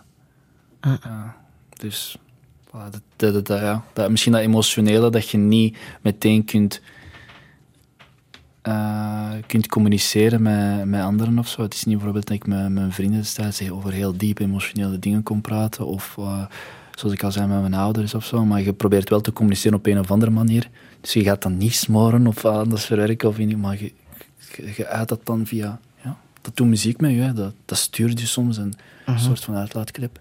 Wil jij een gezin, kinderen? Ja, zeker. Zeker. Ja, ja, en, eh, en ik wil graag papa worden. Maar ja, wie weet, hè. Binnenkort. Ah ja? Ja, ja. Ik, eh, met mijn geliefde. ehm, ja. Eh, we zijn, allee, dat is bij mij. Ik heb eh, met mijn geliefde... Het is nog pril. We zijn nog pril samen, maar eh, we hebben wel echt al... eh, dat vind ik zo fijn, als je zo al meteen weet waar je naartoe gaat, of een visie hebt of wilt. En dat is... Ja, ik wil heel graag... Ik heb dat al... Ik heb dat zo in mij al, zo zeker. Even zo, denk ik van, my god, dat is iets zo in mij dat ik zo papa wil worden. Als ik zo andere kinderen zie, dat is zo meteen... Ah, ja. ik, weet niet, dat is een rare gevoel. Net alsof je, als je 13 jaar bent of net in de puberteit komt, je merkt ook zo, ik begin hier te veranderen. Maar mijn oksels rieken wat anders, als dat zo ik bedoel. dus eh, ik kreeg precies eh, wat haar op mijn gezicht. Ehm, ja, dus ja, dat gevoel heb ik heel hard. Iets in mij is wakker, de vaderfiguur. En weet je waarom je vader wilt worden? Dat is echt een goede vraag. Ik denk eh, dat we terug moeten keren naar Rumi. What you seek is seeking you. Ik denk dat gewoon dat gevoel er is, dat ik daar gewoon klaar voor ben. En ik denk ook van dat ik iets... Misschien is dat ook onbewust ook een andere soort motivatie, drijfskracht. Dat ik nu mijn leven wil coördineren naar gelang mijn gezin en mijn, en mijn, mijn kind. Bijvoorbeeld mijn... Eigenlijk, die van binnen het hoofdstuk van mijn ouders trots maken is eigenlijk al afgesloten. Daar mag ik echt tevreden over zijn. Het is gewoon als je zo gewoon een keer opnieuw en opnieuw. Dat is zo precies of je zo opnieuw wil. Maar je, eigenlijk als je er bestelt, ik heb dat gedaan, nu komt dat. In mijn hoofd zie ik al mijn kind. Dus dan denk ik van, daar komt er een andere energie voor. Maar wil je je ouders ook een kleinkind geven? Is het ook dat? My god, Fidel, ik heb pas Dr. Phil Fidel. nee, ik denk dat ook wel, ja. Niet dat je Ja? het zegt. Ja, ja, niet dat je het zegt. Dat is dan de derde generatie Oh my god, ja. die je op de wereld gaat zetten. Hier. Ja. Ja. En het anders aanpakken, heel anders. Alleen niet, niet in de zin van iemand heeft iets fout gedaan of zo, maar ik bedoel gewoon. Maar hoe anders wil jij het dan aanpakken? ehm, dat is een goede vraag. Ehm, dat is echt een goede vraag, want dat is ook zoiets. Soms zeggen we van ik ga het anders aanpakken of anders, maar dan merk je soms dat je zo nog gewoontes hebt van ge- eh, gewoontes van je familie hebt overgenomen. Maar ik denk gewoon meer, meer in co- contact te staan op een andere manier met je, met je kind, meer vriend zijn, meer een band opbouwen. Je wilt invullen wat je zelf hebt gemist. Ja, goed gezegd. Vertrouwen, erkenning. Wat ik gewoon nu doe, maar gewoon ook met mijn kind. Als hij thuis komt, ziet hij misschien ergens een kaartje. Als hij thuis komt, ziet hij ergens een geschenk. Als hij thuis komt, ehm, ik, wat wilt je later worden? Doe maar, ik achter u. Niet een eigen droom misschien projecteren. Als hij tegen mij zegt, ik wil astronaut worden, oké, let's go, dan we ervoor gaan. Echt letterlijk. Ja, ja. En ook denk ik ook met mijn ervaring dat ik mijn kind meer kan sturen, want die zal ook nog altijd twee culturen hebben. Ehm, of drie culturen, want mijn geliefde is van... eh, dat wil ik privé houden, maar zij is wel van... een zij, is wel, zij is niet Marokkaans, ik zal het zo zeggen. Ehm, dus, maar ik kan wel... We gaan echt naar een globale en wereld en een diversiteit dat ik wel met mijn ervaring meer kan sturen wat mijn ouders niet hadden. Je? Ze komen echt van één wereld naar een andere wereld. En wie zijn niet de dupe, maar je hebt, je hebt een nieuwe kans gekregen, want je wordt geboren in een nieuw land, maar je mist bepaalde... Er is een kant van je dat heel zuiders is. Dat heeft andere vitamine nodig. Snap je? Letterlijk, letterlijk en figuurlijk. Dus, maar ik denk wel dan dat de verdere generaties dat beter kunnen sturen naar hun kinderen toe. En ze gaan zo verder en gaan zo verder. Dat is mijn- ja. En de liefde, is dat moeilijk? Hoe bedoelt je? De liefde uiten, over de liefde praten, met de liefde omgaan? Ja, ja, ik heb dat nooit meegekregen. Ik heb dat nooit meegekregen. Maar ik, zoals ik al zei, ik uit mijn liefde, bijvoorbeeld met mijn papa via mijn werk. En met mijn mama via, ja, haar elke keer een glimlach probeert te toveren door geschenken, door lieve kaartjes, door het financiële, door eh, door hier gewoon een foto daar juist mee ken eh, en nu. Uh, dus niet alleen maar naar Rick, het was ook naar mijn mama. Zo, Echt dan dacht, ja, dan dacht ik ook, ja, oké, ik ga het ook naar mijn mama sturen. Dus uh, zo van die momentopnames altijd haar meenemen. En zoals je net ook zei, van als ik een kindje heb, dat dat ook zo... Dat is voor mij liefde. Allee, liefde kent vele talen. Dat is ook zo. Dat is, dat is ook nog zoiets van wij... Dat je soms, en ik spreek dan voor mijn eigen, van dat we vaak mensen naar onze eigen kar willen trekken. Van als dat zo en zo is, dan, dan wil dat zeggen dat dat... Dan bedoelt hij zo en zo. Terwijl dat niet zo is. Liefde kent veel talen. Sommige mensen zijn gewoon stille weldoeners.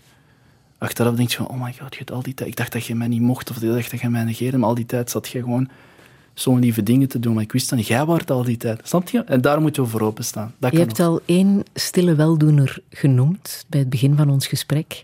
Wie is dat? Viv van Dingenen. Viv van Dingen. Ik hou van Viv. Ja, echt waar. Ik, uh, ze heeft na Kidnet, ze heeft mij tijdens de Kidnet-periode... Ze speelde ook mee in Ja. uh, de regel van drie. Ja, want toen ik haar zag, dacht ik het eerste, oh my god, dat is die van Spitsbroers. Dus ja, ik ben gewoon zo. Ik, En ik ook heb die van thuis. Hè. ook, ja, ook van thuis en. Witse. En ik Ja. dacht van, oh my god. Maar van Spitsbroers weet ik nog, omdat ik... Oké, ik ben acteur, maar ik kijk niet zoveel zaken. Uh, maar toen ik haar zag, dacht ik van, oh my god, dat is zij. Maar zij was zo warm.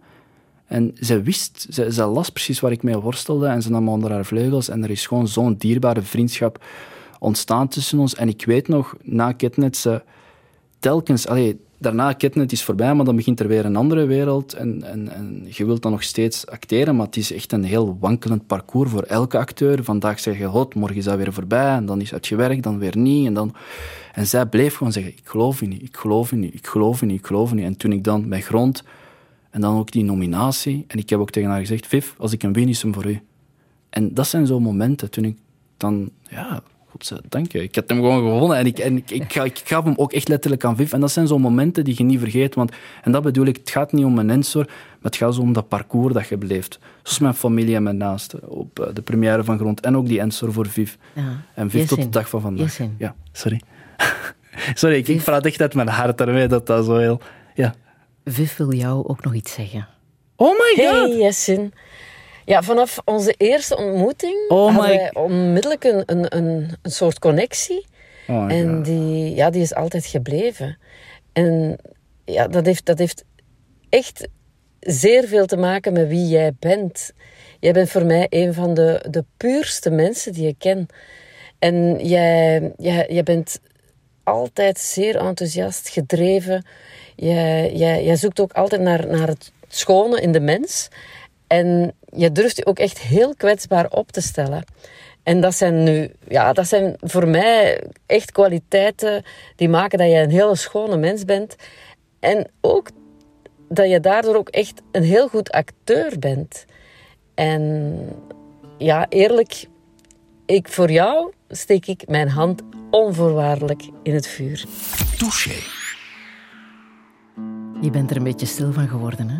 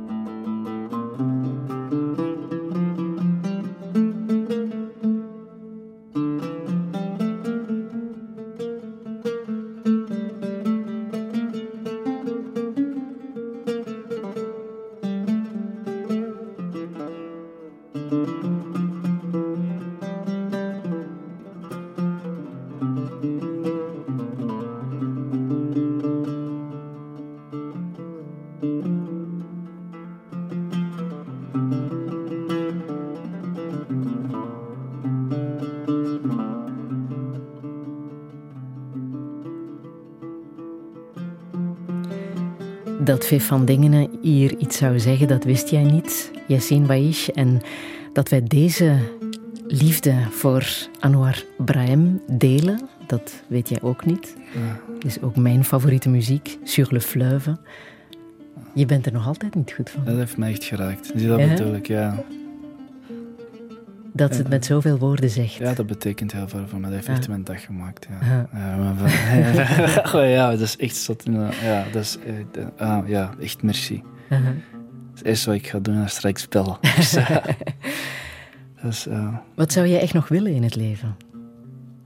ah, dat is een goede vraag. Ehm, Je bent 33, of je wordt 33 Ik word dit jaar. hè? Dat is 33, een cruciaal jaar, hè? ja, dat is echt eh, bijzonder. Ehm, weet je, ik probeer altijd ik probeer mijn hart te volgen. Ah, en ehm, zoals ik al zei, vader worden. En, en het ook op mij laten afkomen. Omdat, zoals ik, je kunt ook zo heel hard gefixeerd zijn. van, Ik wil dat en dat bereiken. Zoals ik daar juist zei van Hollywood. En je hebt met Adele samengewerkt, dus wie weet is dat ook mogelijk. Maar ik, gewoon echt tevreden zijn, dankbaar zijn. En ehm, ook zo met heel veel... Weet je, daarvoor had ik altijd zo een soort van... Misschien is een autistische kant van mij, maar zo drie artiesten waar ik graag mee wil samenwerken. En dat is uiteindelijk ondertussen uitgekomen. Maar er zijn ook heel veel andere artiesten waar ik ook heel veel bewondering voor heb of grote fan van ben. En ook heel hard, heel graag mee wil samenwerken. Ehm, dus ja, met zo, zo een paar aantal artiesten in Vlaanderen ook samenwerken. Ehm, En welke boodschap wil je hier nog meegeven? Ehm, weet je, ik vraag graag altijd. Ik wil graag dat mensen mij een boodschap geven of advies of zo. Maar als ik één boodschap zelf wil geven, is wees uzelf en blijf vooral uzelf. Het is één ding om jezelf te zijn, maar doorheen de weg gaat je wel merken dat, som, dat er altijd getrekt en geduwd wordt aan u. Van, soms ga je de indruk hebben van je bent niet oké hoe dat je bent, maar dan is de kunst of ja, het, het, de moed te hebben om gewoon te zeggen: ik blijf mezelf, wees oprecht, wees authentiek. En, en, en dat, dat op lange termijn, dat loont altijd. Dus ik denk dat wel. Zullen we nog eindigen met Kopien? Dat is een eh, nummer van Aya Nakamura. Ook iemand tussen twee culturen. Ja. Wat heb je met dit nummer? Dat nummer had ik dood eh, gespeeld na de Ensor-reiking, na, allee, de, na het gala van Ensors, toen ik de Ensor won.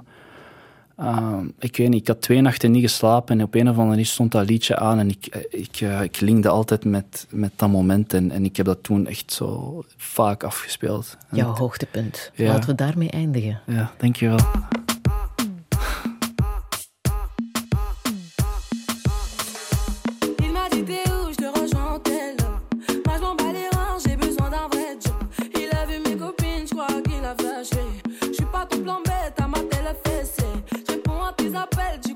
love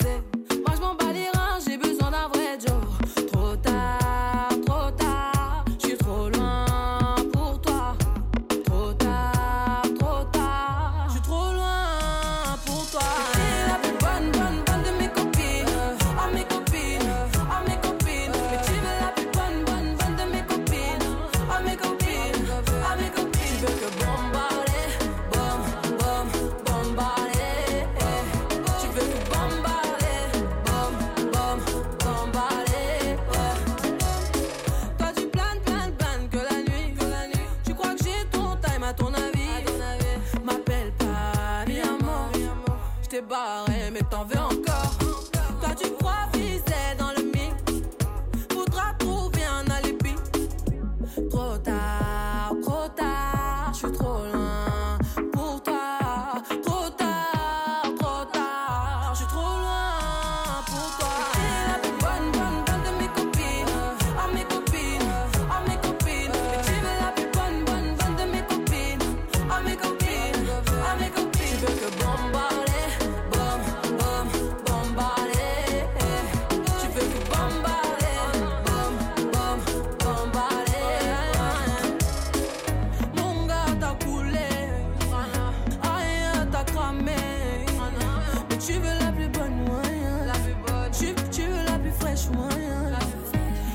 Aya Nakamura met uh, Kopien. Dankjewel, Yassine uh, Waish.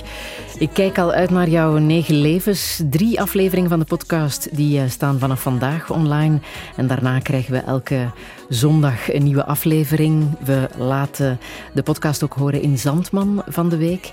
En eh, volgende week ontvang ik hier eh, beeldend kunstenaar Miet Warlop. Ik zie jou blinken. Ga je nog leuke dingen doen, behalve bellen straks naar uh, van Dingen? Nagenieten. Nagenieten. Dankjewel, Phil. Ja, dat is een hele mooie. Dankjewel. Ik wens je nog een heel, heel fijne zondag. Merci. Dankjewel. Jij ook. Bye. Heb je iets gemist? Je kan Touché herbeluisteren in de app van VRT Max.